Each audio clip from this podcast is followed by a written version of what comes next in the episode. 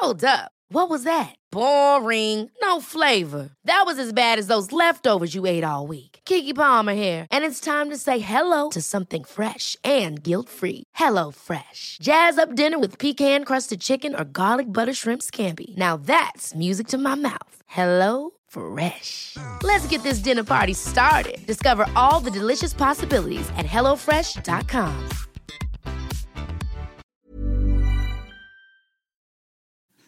Nu kör vi Sinat! Ja, nu kör vi! Du lyssnar på ännu en jävla relationspodd med Sinat Pirzadeh och Yvonne Skattberg. Yvonne, du Ja. ser jätteglad ut idag. Har det hänt Ja. något speciellt? Alltså jag kan, jag, nej, jag, nej egentligen, jag, jag har ju fått sparken. Därför du är så glad alltså. Nej, jag, det är inte därför jag är glad, jag vet inte, det är bara en bra dag rent allmänt. Men eh, jag har ju jobbat som lärarvikarie idag. Så att eh, då, och har man inte legitimation så får man inte fast tjänst. Så att jag får liksom alltid sparken så här i juni. Men de återanställer en ofta. Eh, det vet man ju inte. Ibland har jag vetat det och eh, nu kan jag inte svara på det. Eh, Men äh, längtar du efter att gå tillbaka? Alltså jag kan ju, jag kan ju tycka, alltså jag är jättekluven för att eh, å ena sidan så skapar man ju relationer till barnen eh, och eh, jag lär känna dem och man är med och, och löser problem, jag lär känna deras familjer, man hjälper dem i skolan och hela den processen. Ja, det är ju såklart. jättetungt att säga hej då till de eleverna och framförallt om de eleverna säger men vad måste du sluta? Men så finns det ju de där eleverna som hurrar. Man ska sluta. som bara säger yes! På Som riktigt? hatar en. Ja, alltså det vet du väl att det finns alltid någon elev som hatar sin lärare. Ja, jag vet. Nu Men vi har ju haft en ganska tuff situation på den här skolan. Det här är ju en, en Mac-skola. Den byggdes för bara fem år sedan och då fanns det sån här övertro på att eh, bara barnen får en, en iPad i handen så kommer barnet att lära sig någonting. Det stämmer inte. De Nej, kommer men surfa på spelplan. Skojar du? De sitter bara och spelar spel. Ja, såklart. Ja, men på riktigt. Det skulle jag ha gjort om jag var barn. Själv, det gör ju alla. Alla gör det. Och porrsurfar. liksom det. Vad gör Eh, de det också? Ja, men det är klart. Alla... Eh, eh, ja, ja, ja. Alltså, de är mer kunniga på den fronten än vad, än vad jag är. Eller än vad vi vuxna är. Jag har precis hållit på att lära mig benämningen för alla sexgrejer. När folk pratar, jag bara, vad fan är det? Är det bokstäver? Är det diagnos? Alltså jag, kan säga, jag ser jättetydligt på mina elever vilka som är ute och porrsurfar. De vet ju djurporn, de kan ju de här namnen på de olika porrsurfsplattformarna. Oh och så sitter, en del barn sitter helt tomma i blicken och då fattar man de har inte varit ute. Men, eh, nej, men det var en, eh, alltså det har ju varit ett år med ett jättehårt Men är det bara arbete. killar eller både killar och tjejer? Ja, det kan inte jag svara på. Det, nej, det finns ju tjejer som, är, som absolut är ute och Jag har utforskar, kollat eh, på sånt mest i studiesyfte för jag tänkte jag kan så lite. Nej men på riktigt! Jag ju jag undervisat i biologi, så jag har ju haft eh, sexualkunskap med 12-13-åringar. Mm. Inte i år, men för. Och eh, alltså, jag kallar ju det ämnet för kropp och känslor. För att de kan ju redan allt rent mekaniskt. De kanske, ska hålla, de kanske ska hålla kurs för dig och mig istället. Men och jag är super eh, noga med att säga saker som till exempel ingenting ska göra ont, det ska bara vara skönt och mysigt, eh, ingenting ska upp i rumphålet, det är fel hål. Och du vet barnen sitter ju och håller sig för ö- Säger du ögonen. det här? Jag tycker det är så Självklart. bra. Självklart. Du förstår vad många som är, tror att men det är så man ska göra. Ja, För att de, det är en, en, den enda kunskap och enda information de har fått det är via porr, eh, porrsajter. Äh, Jag blir Gud. beklämd. Ja, herregud. Ja, herregud. Men det var det om sex på skolan. Det är ju inte bara det vi sysslar med då.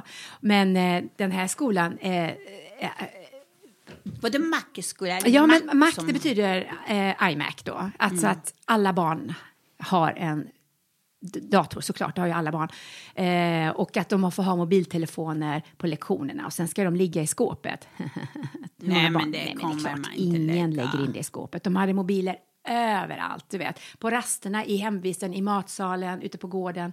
Alltså när jag kom till den skolan jag blev helt chockad. Barn stod i klungor över mobiltelefoner och spelade spel. Eller barn gick runt ensamma och det var ju de jag såg. Jag såg ju hur många ensamma barn det var som stod spridda på skolgården med en mobiltelefon i handen. Och det gör inte de för att de vill stå ensamma och spela. Det gör de för att de inte har någon att vara med. Det är helt fruktansvärt.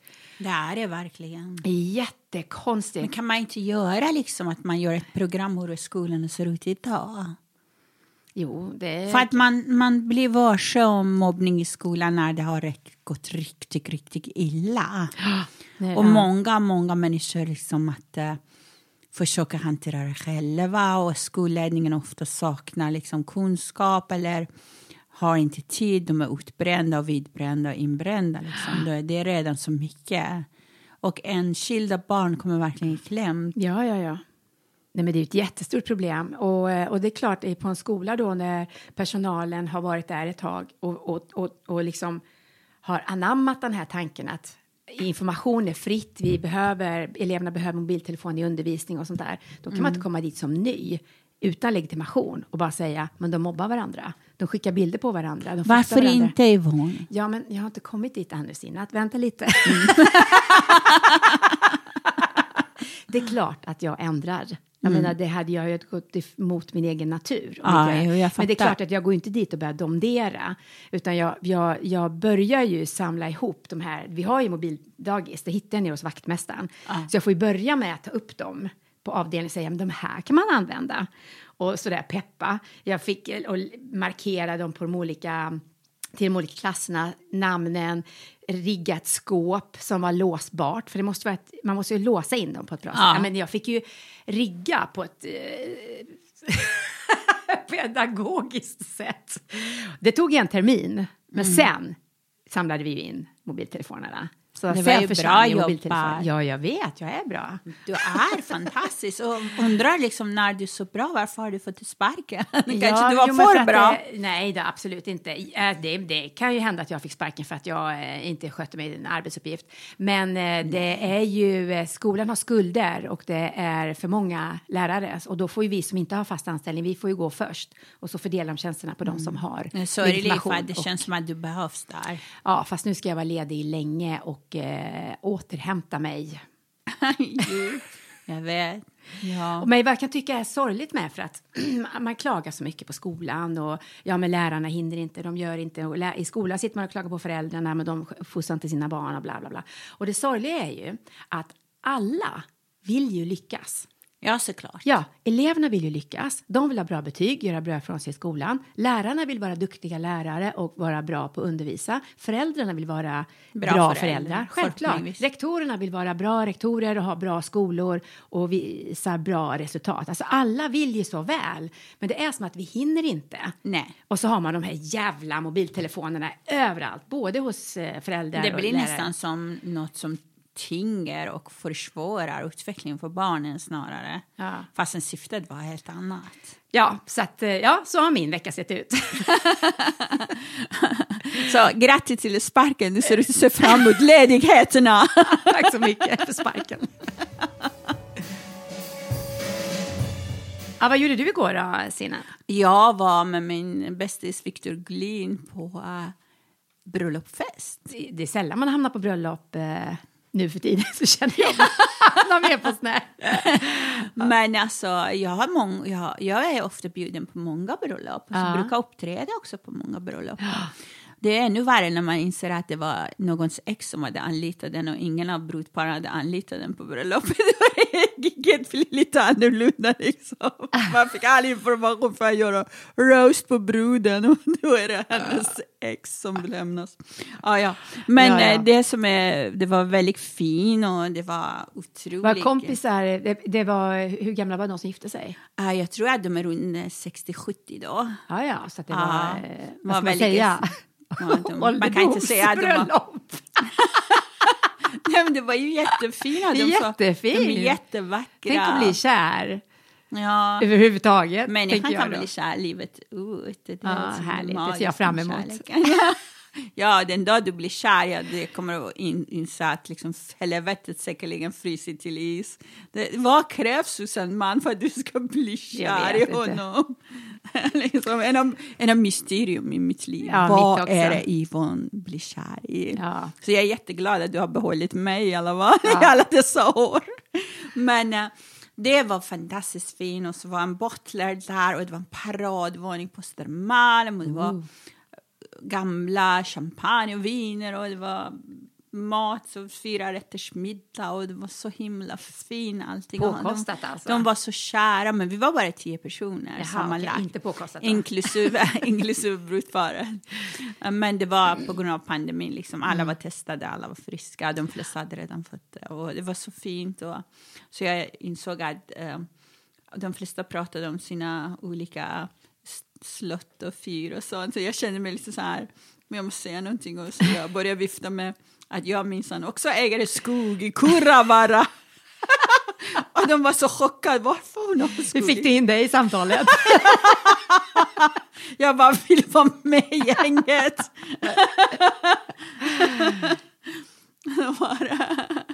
Och så frågade de flera gånger om jag och Viktor var tillsammans och var ett par. ja.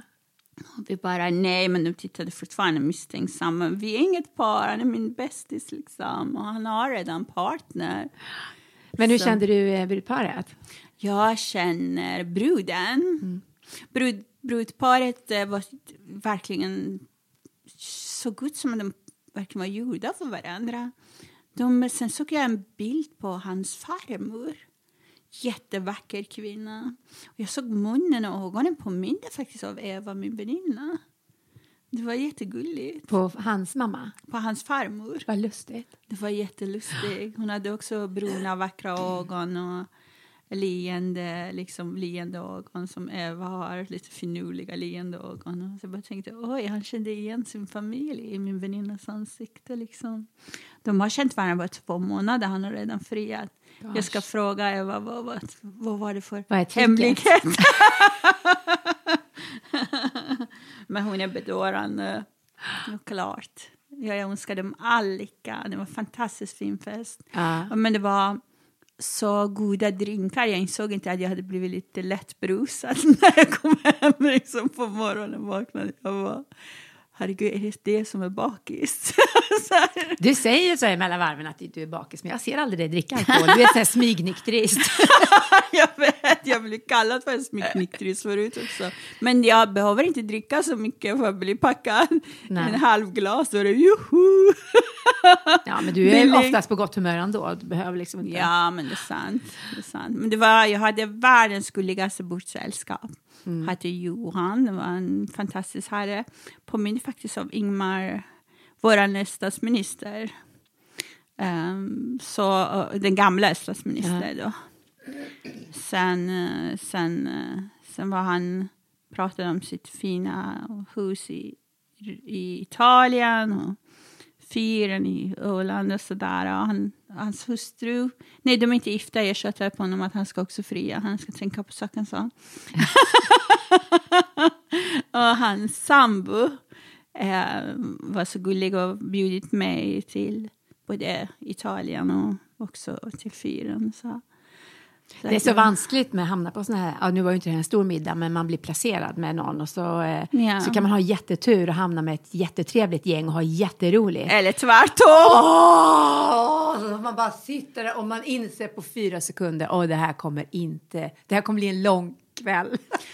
Jag har placerat bredvid din man som spottade maten rakt in i mitt ansikte och sa "Åh, det här är singelbordet eller?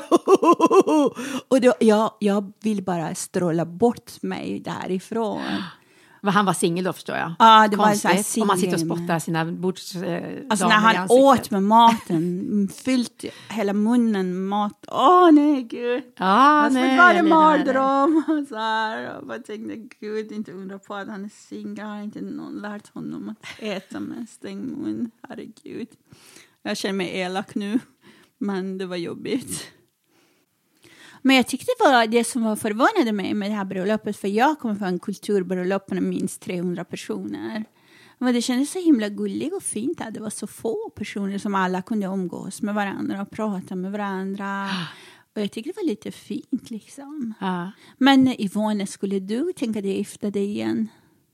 Med dig? Nej, inte med mig. Man vet inte. lät nästan som ett frieri. Du vill alltid att jag ska fria till dig. Nu händer det då. Nej, ja, men, självklart. Jag vill gifta mig igen. Absolut. alltså med mig. Ja, nej, med vem som helst. Jag är inte så noga. Allting som rör sig. nej.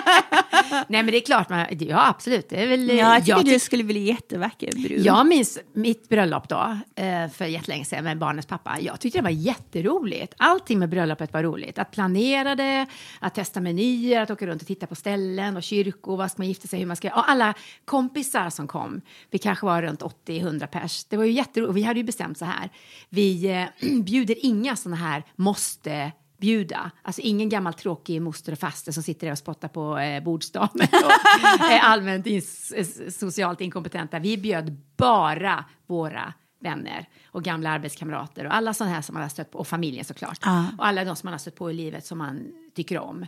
Och ehm, det var skitroligt och jag minns när de öppnade, vi gifte oss i Sankt Paul, pa, Sankt Pauli kyrka i Malmö. Och så öppnade man... Malmö, så vanligt. Ja, ja, fast inte för de som bor i Malmö då. Men, Du bodde där då? ja. Och i alla fall så öppnar de eh, portarna och så går vi in. Och så ser jag alla de här människorna. En del är det liksom tio år sedan jag träffade. Och någon träffade jag när jag bodde alltså, he- hemma i Västergötland och någon Alltså du vet, människor från helt spridda delar av livet är plötsligt samlade på en plats. Alltså det var så otroligt rörande. Så, ja, det var en jätte, jättemärklig känsla och jätte, Vad jätteroligt. fin. Du måste lova mig att jag ska vara med och planera ditt bröllop. Ja, självklart. Det, det kommer bli jättebra. Och vi ska få Peter Englund att göra din klänning. Han är så bra. ja, fast man gifter sig bara en gång i vitt, va? Nej, vad fan, fuck it. Kör, kör. Gör vad du vill. Ja, jag tycker eller att det är bra. hur? Ska du gifta dig igen då? Just nu jag kan bara tänka mig att... Nej, orka. Too close, too soon. ja, jag menar liksom, jag håller på att återhämta mig från mitt, eh, mitt bröllop på skilsmässan liksom. ja, man måste komma över inte. förra skilsmässan innan man Ja, precis. på... eh, Du, har skilt dig för länge sedan. Ja, jag är redo. Jag Ja, är färdigskild. Jag är också skild, men jag bara känner liksom att jag orkar inte lära känna någon. Jag känner mig så lat. Jag trivs så bra med mitt liv. Jag tror jag får vara gift med mig själv lite till. Ja, det tycker jag med. Men en, en ny sak som har kommit upp, det här med man har anställning, det är ju att få en chef. Nej, jag, jag tycker det är jobbigt. Ja men, ja, men för det första, man är ju inte van att ha chef. Vi har ju inte haft chefer som Nej. komiker. Man, Men jag har jobbat som studiekursvägledare i många år. Ja, ja. Och jag har haft bra chefer som jag har fortfarande kontakt med. Ja, alltså det finns ju alla typer av chefer, men när man är frilansare då eh, ordnar man ju, man är ju sin egen chef och man fixar allting, man bokar, ordnar bokar själv, producenter, koreografer, turné, lägger turnéer själv, man gör ju allting själv. Ja, det stämmer faktiskt. Nej, jag gör inte det heller. Jag har ju min agent som gör alla de här grejerna. Ja, Jag är bara rolig. precis. Men agenten är ju inte din chef. Nej, Det är ju en, en annan typ av relation. jo, det är sant. Så, ehm, och, och man har ju ändå alltid hört det här liksom att eh, jag skämt om dåliga chefer och, och man har hört människor beklaga sig över att man har dålig chef. Och, men det är ju inget nytt fenomen. Nej. Det har väl du också hört? Ja, men det är klart. Ja, Det är jättemånga som hatar sina chefer. ja, precis. Och eh, så när jag hade, fick min första anställning som, i, i, i skolans värld då, så fattade ju inte jag riktigt det här med vad man ska ha med en chef till. alltså jag gick aldrig till chefen och, och sa om det fanns några problem eller, Ja. eller något sånt där. Och inte heller såna här saker som att man ska ta ledigt till exempel för att gå till läkarbesök. Det tänkte inte jag heller på. Ja, men nu måste jag gå till min chef och säga och be om lov. Jag ska gå på läkarbesök. Men går man inte till till exempel skoladmin och ordnar sådana saker? För Alltså- I Rinkebyskolan vi fick prata med, med administratör att jag har Ja, men det är ju min, det är ju, alltså studierektorn det är ju min chef. Det är ju den personen som är min närmaste chef som jag ska meddela då. Jag slutar tidigare på torsdag eller jag ska på läkarbesök. Och då kan den här personen säga nej. Nej, på riktigt. Det brukar de aldrig göra, inte i Sverige. Eh, jo då. Eller så kan de säga så här, ja men då får du ta tjänstledigt utan lön. Och sådana saker. Alltså du Va? vet ställa andra Det har krav. aldrig hänt mig i någon av mina jobb. Nej men du är ju inte den enda människan på planeten. Du, i min värld, hallå, det är bara jag som gäller i den världen jag befinner mig. Men alltså på riktigt, jag trodde inte i Sverige hade man såna grejer. Ja. Att man säger nej och sånt. Jo. Eh, och, eh, men, men också, men, jo, och det är det här som är det problematiska då, liksom, när man har en chef som eh, inte är bra. Eh, men, men också fördelar att ha chef, att man till exempel, eh, om man, det uppstår ett problem, då behöver inte jag lösa det problemet, utan jag kan gå till min chef och säga, det här är Ja, ett det, problem, det har jag fattat. lös det. Det är ju aspraktiskt. Mm, absolut. Så att jag, när jag först började arbeta och ha en chef, då kunde jag verkligen känna, men det här är ju jättebra. Hur, hur kan folk vara så irriterade på chefer? Det är ju skit, man bara dunkar över alla... Ja, men det är för att du, har, du hade ett annat perspektiv med det. För att en del ser chefen som någon som ska trycka ner en, utnyttja en och se till att man jobbar jättemycket för lite betalt. Men du såg chefen som någon som du ska samarbeta med. Att ni ska liksom vara ett team. Det är liksom hur man tänker på saker och vilket perspektiv man har avgör otroligt mycket hela utgången eller vad det blir för resultat i det här mötet mellan chefen, mellan arbetaren och uh, människorna som jobbar tillsammans. Jag har också alltid såg chefen som jämlik. Och uh, det har gjort att jag fortfarande har jättebra relation med mina tidigare chefer. Även när jag inte jobbar med dem längre. Och det vill man ju ha, men sen har det, jag, alltså jag har ju haft chefer, det är ju skolchefer då, eftersom det är i skolans värld som är de senaste ar arbetsplatserna som jag har varit på, som inte har varit bra, som har brutit upp fungerande arbetslag, som, eh, ja, men jag minns vid ett tillfälle så, det är ett problem att alla måste ju ha legitimation i skolan, och det måste man förstå, det är ju rektors uppdrag att se till att personal har legitimation. Så då fick en jätteduktig träslöjdslärare eh, gå för att han inte hade legitimation. Så fick de inte tag på en ny, utan då plockade de in en ny vikarie utan legitimation. Och då Oh my man så här, "Ja, men på riktigt, vad, vilka problem löste vi nu med det här? Men Alla du- fick ju bara mer problem. Har du pratat med dem om det här? Ja, men det är klart. Det var liksom som att skjuta sig själv i foten. Varför ska man göra så här, säga upp någon fantastisk person och sen ska man ta med nollig och sen ta någon som är dålig istället? Men jag vet inte. det, det som... Det, Jag hä- vet- det händer ibland. Liksom, ha någon plan som min kompis som gjorde slut med sin sambo, eller sambo med någon som var hundra gånger värre. så här, han ville bli tillsammans med den första, men han hade redan hittat någon ny. Ja, såklart. Skitjobbigt.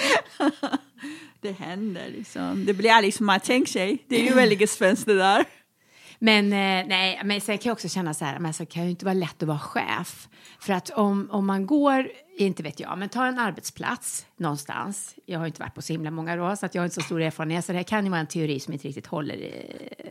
Men så, så ska en av personalen bli chef då över de andra. Och då går man ju från att ha varit en del av gemenskapen till att få den här annorlunda positionen då. Då man ska säga till någon, nej du får inte ta ledigt på fredag eller man ska ändra arbetslaget och folk blir missnöjda.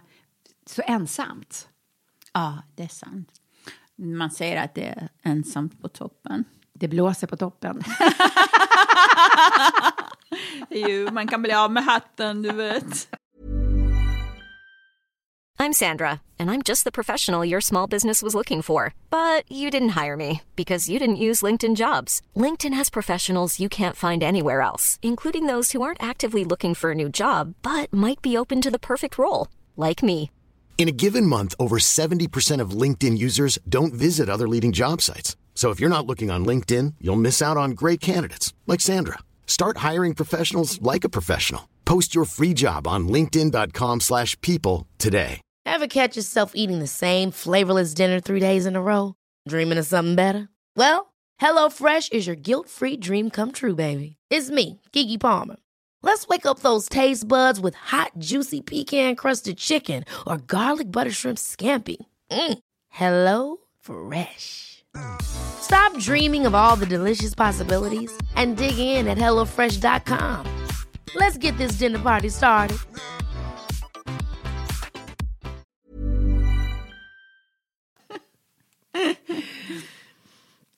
Men eh, har du själv någonsin varit chef då? Nej, det har jag väl aldrig. Det tror jag inte. Jag jobbade på ett tidningsförlag för jättelänge sedan. Då var jag ansvarig utgivare på, på Sverigedelen. Det var en nordisk eh, ett tidningsförlag som gav ut spelmagasin, PC Player, Playstation Magasin, mm. sådana. Och då, eh, jag var ju ansvarig för tidningsutgivningen i Sverige. Så det är klart, jag hade ju mycket, jag fick ju, det var ju mycket som ja, jag kunde mycket. säga till om.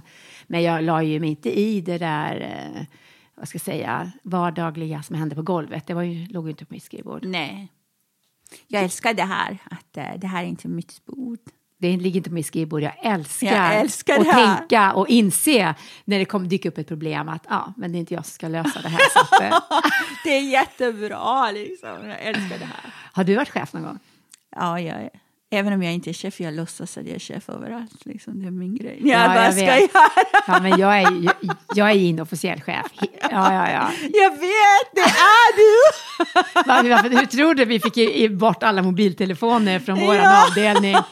Det var ju jag, men jag vågar inte säga det att nu så bestämmer jag det här. Men jag hade ju bestämt det. Det här ska vi lösa. Så får man göra det på ett diskret sätt. Jag tycker du gjorde det jättebra. Ja, tack. Jag tyckte liksom det som jag försökte tjata till skolan. En av skolorna jag jobbade att vi ska ha skyltar runt om gården det står mobbning förbjudet. Ja, det var bra. Ja, jag tycker det är så enkelt och så bra och så effektivt liksom. Och, att man, ja, och så man såg när ett barn pekade så här, när någon är dum, så här, kolla vad det står här, mobbning förbjudet. Så man kände, ja, så man behövde inte göra så mycket mer än så. Man behövde lite skyltar sådär. Ja. Men du har bara haft bra relationer till dina chefer alltså? Ja, men jag har haft det svårt med andra studieyrkesvägledare när vi var flera. Ja. Så någon av dem sa att jag har gjort mitt jobb till Jesus korståg. För hon tyckte jag liksom gjorde att det såg ut som att hon inte jobbade. Um, för att jag var djupt engagerad i mina elever. Jag Såklart. Med, ja, och sen jag till och med, till och med många av eleverna kom och var hemma hos mig och de sov hos mig. Uh När pappan hade slagit dem, kastat ut dem och såna grejer. Som jag kommer ihåg min pappa sa till mig, min dotter, varför dina elever bor hos dig? jag sa, jag vet inte pappa, men de är här. ja, fast jag kan tycka så här, den, den, din kollega, alltså det, det är klart. Min kollega gjorde inte fel. Jag, jag gjorde egentligen fel, jag visste inte det på den tiden. Nej. Eh, jag borde liksom eh, fattat lite bättre för att jag älskar eleverna och de fortfarande, ja. jag har fortfarande alla mina elever har kontakt med mig, ja. skriver till mig, hej fröken, jag blir bjuden på deras bröllop, jag blir bjuden på deras barndop, jag blir bjuden, jag får brev när de sitter inne. Ja. Man ska inte skratta, men det händer också. En del ramlar ur den här schablonen att vara Mr Perfect. Liksom. Ja. Men alltså, jag tycker att jag gjorde fel, men egentligen var jag så rädd. Du gjorde det med gott hjärta, du ville väl. Du var, och det måste man ju, ska man jobba med barn och ungdomar eller ja. människor, då måste man ju...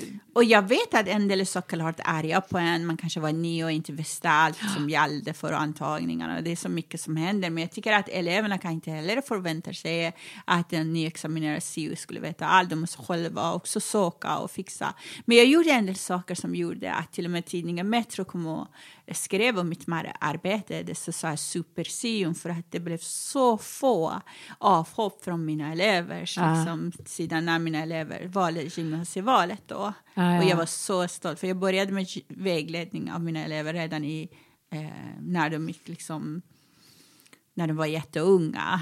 Liksom i sjätte klassen började jag lära dem allt om gymnasievalet tills de kom till nian. För man kan inte säga till elever i nian att du saknar liksom, behörighet. Mm. De måste veta vad, vad behövdes att göra innan. Liksom. Och jag är så tacksam att eh, rektorn i Rinkebyskolan, Börje och Hillevi Rideby, eh, Rideby hade gett mig fria händer. Jag, hade, jag krävde syvtimmar. Jag var så trött att som syo man ska knicka på dörren, knacka på dörren och säga ursäkta mig, kan jag komma och upplysa om gymnasievalet? Jag bara sa nej du. Jag vill ha egna timmen. Det ska vara i schemat. Jag ska ha egna vägledningstimmar från sjätte klassen upp. Jag var som du är, lite så här smygchef.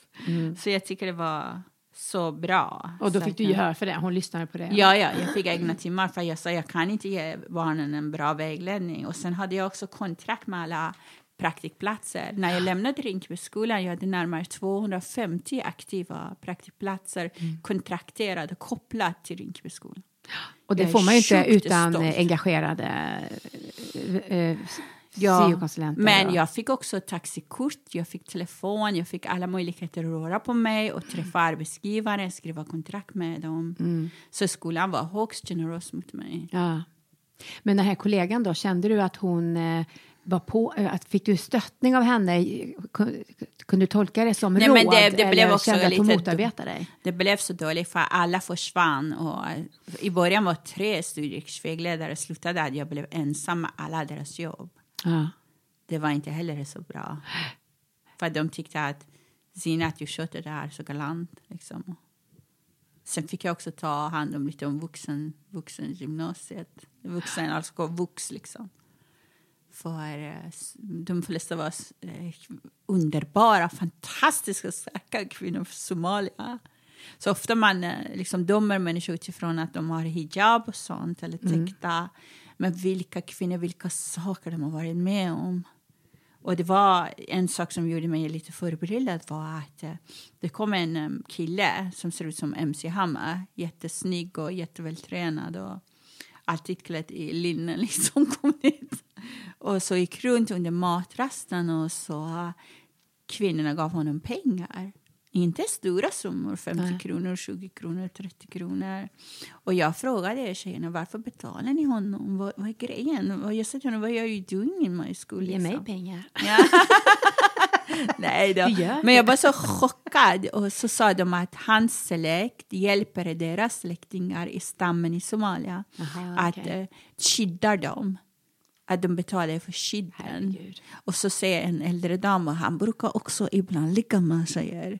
Men han kom aldrig till mig, vad synd.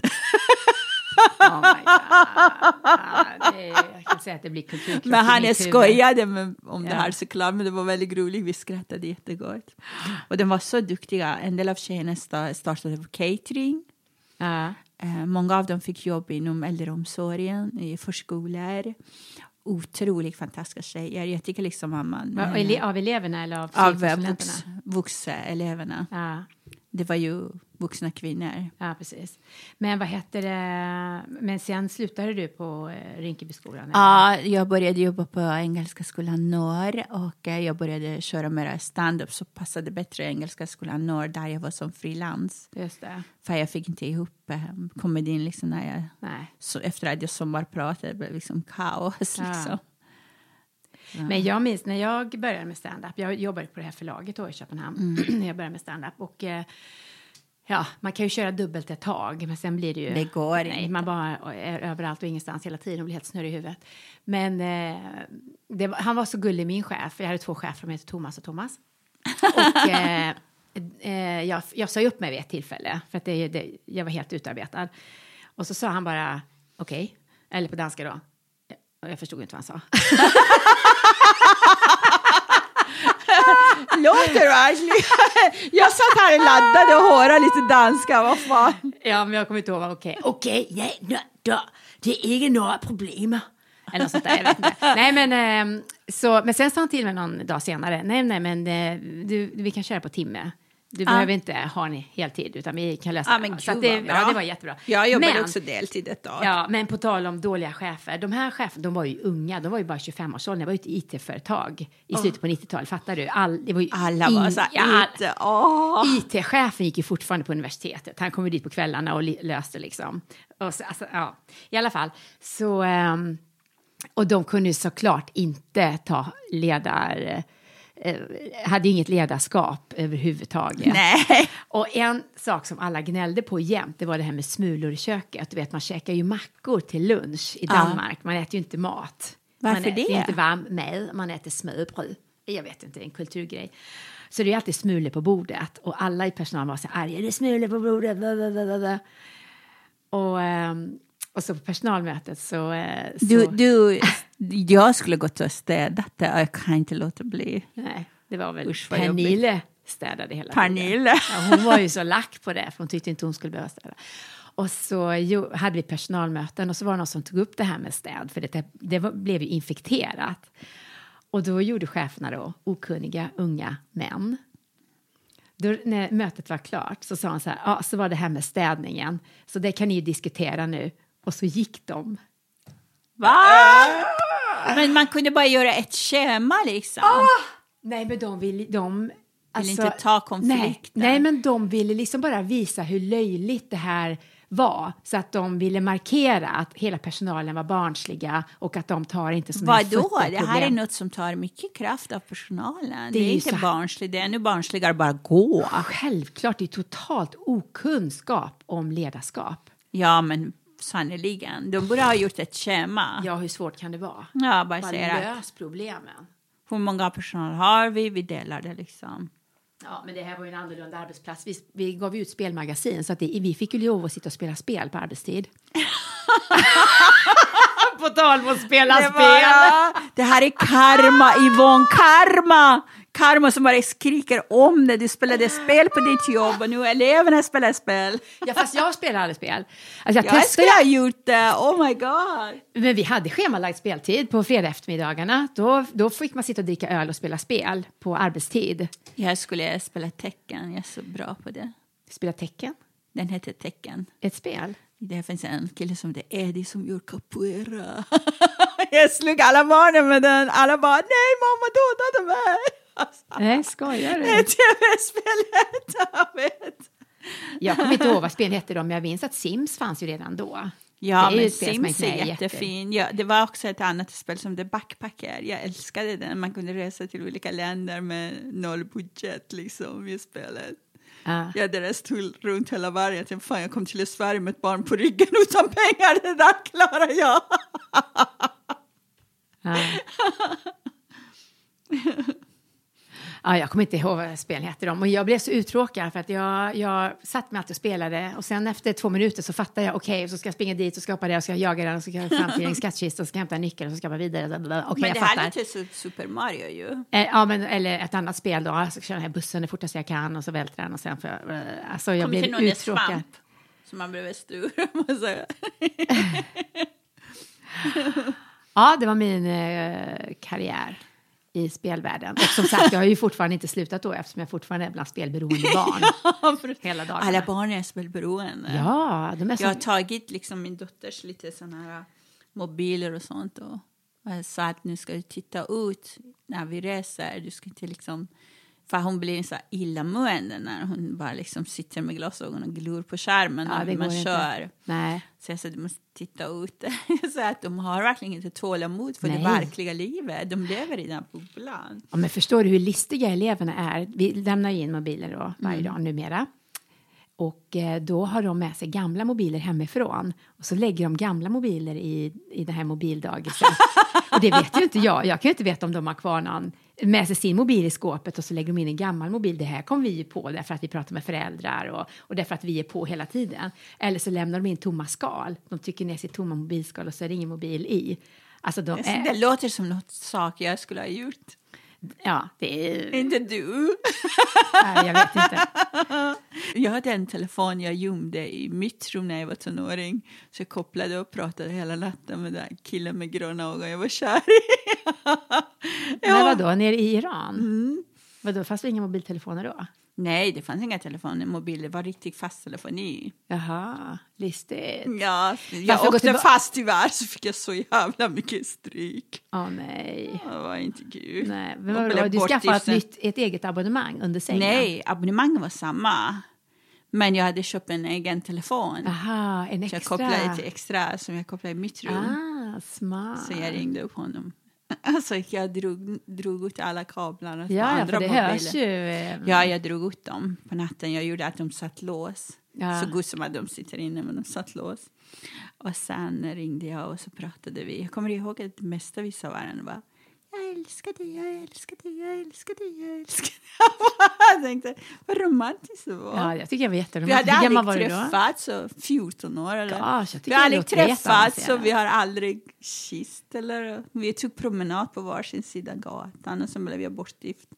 Sen kom jag till Emmestad när jag var gravid och han spottade framför mig så jag kunde gå då och sen var det slut. Det, var, det, var, en ganska olycklig romans som jag skrattar åt nu men fan vad jag har gråtit. Men så är det med livet. Ja. Sånt är livet. Sånt är livet. Men alltså, det var ju ett ganska långt hopp där. 14 år, pratade telefon, hemlighet och sen bortgift. Det var du, då var du 16. Ja, Det är två år däremellan. Som jag tänker inte berätta vad som har hänt. Nej, men jag, bara, jag försökte hänga med där i, i hoppet. Ja, men vi har liksom- Men de hade ingen koppling de här Nej, men eventen. nej, han skrev, vi skrev till varandra Mhm. och sen spelade han in musik i CD-skiva och pratade igenom, läste poesi och sjöng för mig och sånt.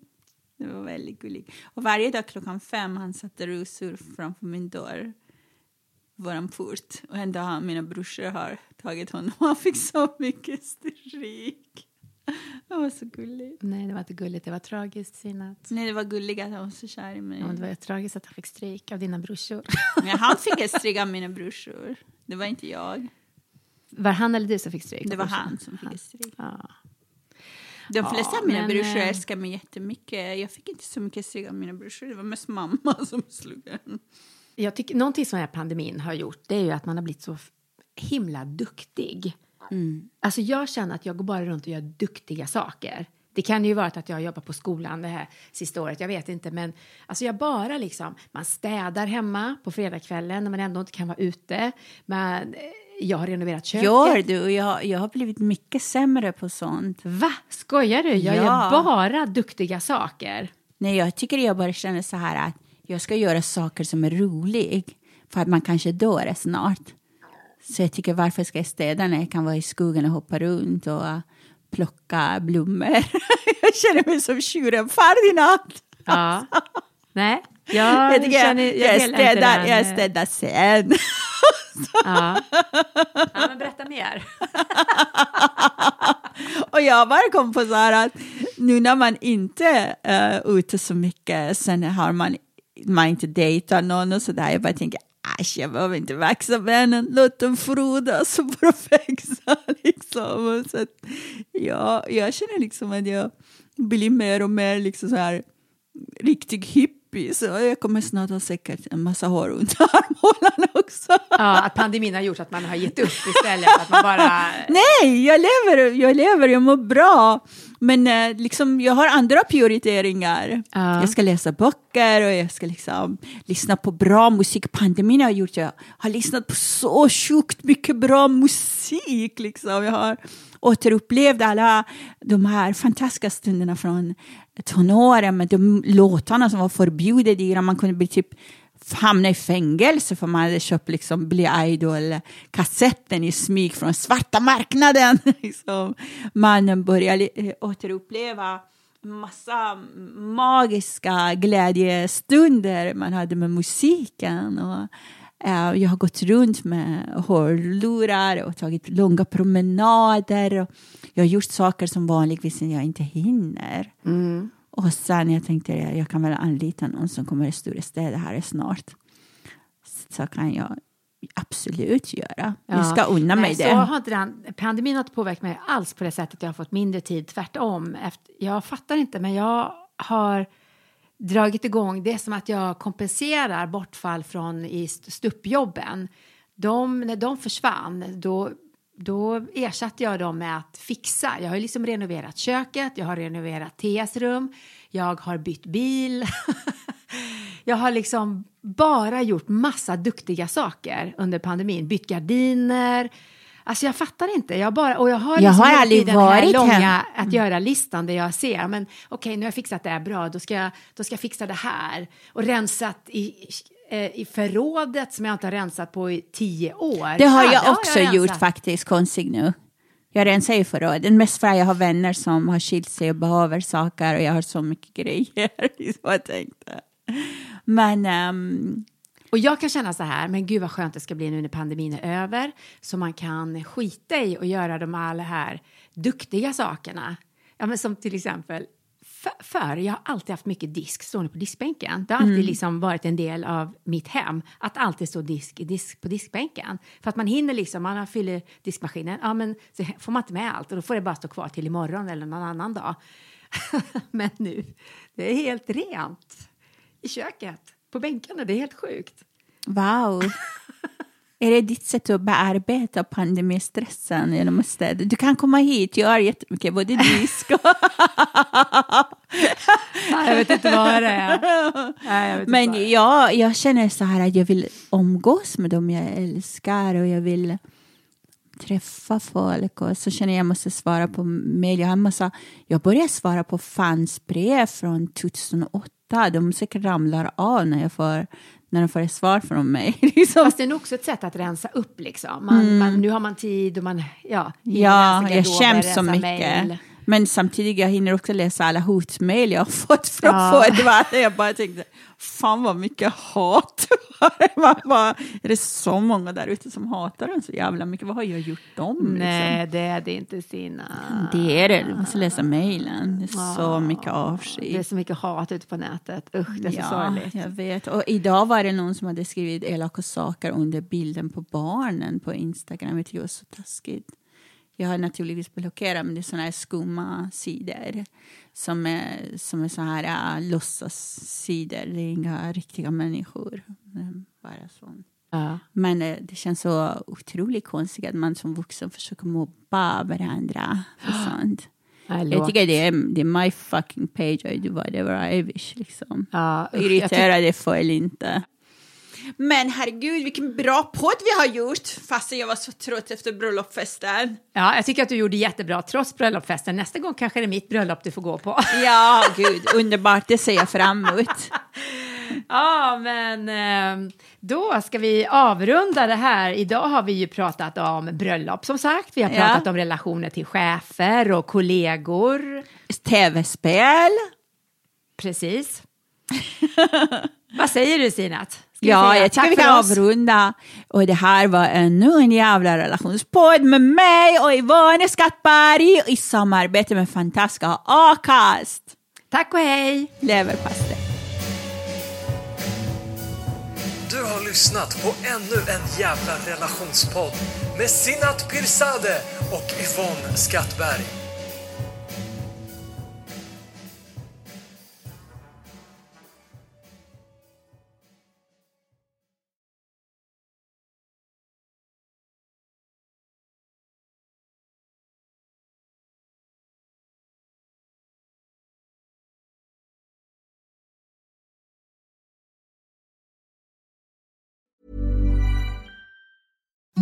Imagine the softest sheets you've ever felt. Now imagine them getting even softer over time. That's what you'll feel with Bowl and Branch's organic cotton sheets. In a recent customer survey, 96% replied that Bowl and Branch sheets get softer with every wash. Start getting your best night's sleep in these sheets that get softer and softer for years to come. Try their sheets with a 30-night guarantee. Plus, get 15% off your first order at bowlandbranch.com. Code Exclusions apply. See site for details.